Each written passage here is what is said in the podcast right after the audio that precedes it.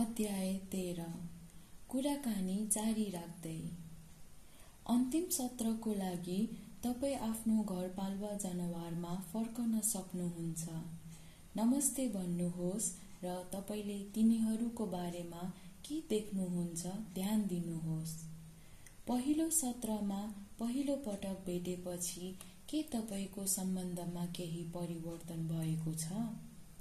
के तपाईँ आफ्नो घरपालुवा जनावरको लागि केही प्रश्नहरू छन्?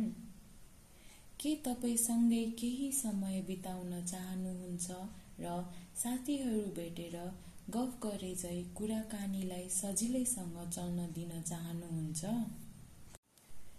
अबसम्म तपाईँलाई थाहा हुनेछ कि तपाईँले यो कुराकानी तपाईँ घरमा अफिसमा जङ्गलमा वा रेलमा जहाँ भए पनि सुरु गर्न सक्नुहुन्छ।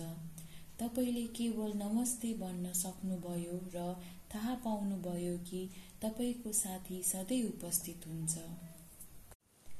आफ्नो साथीसँग साझेदारी गर्नु वा सल्लाहको लागि सोध्नु तपाईँको लागि बानी वा दोस्रो प्रकृति जस्तो हुनेछ।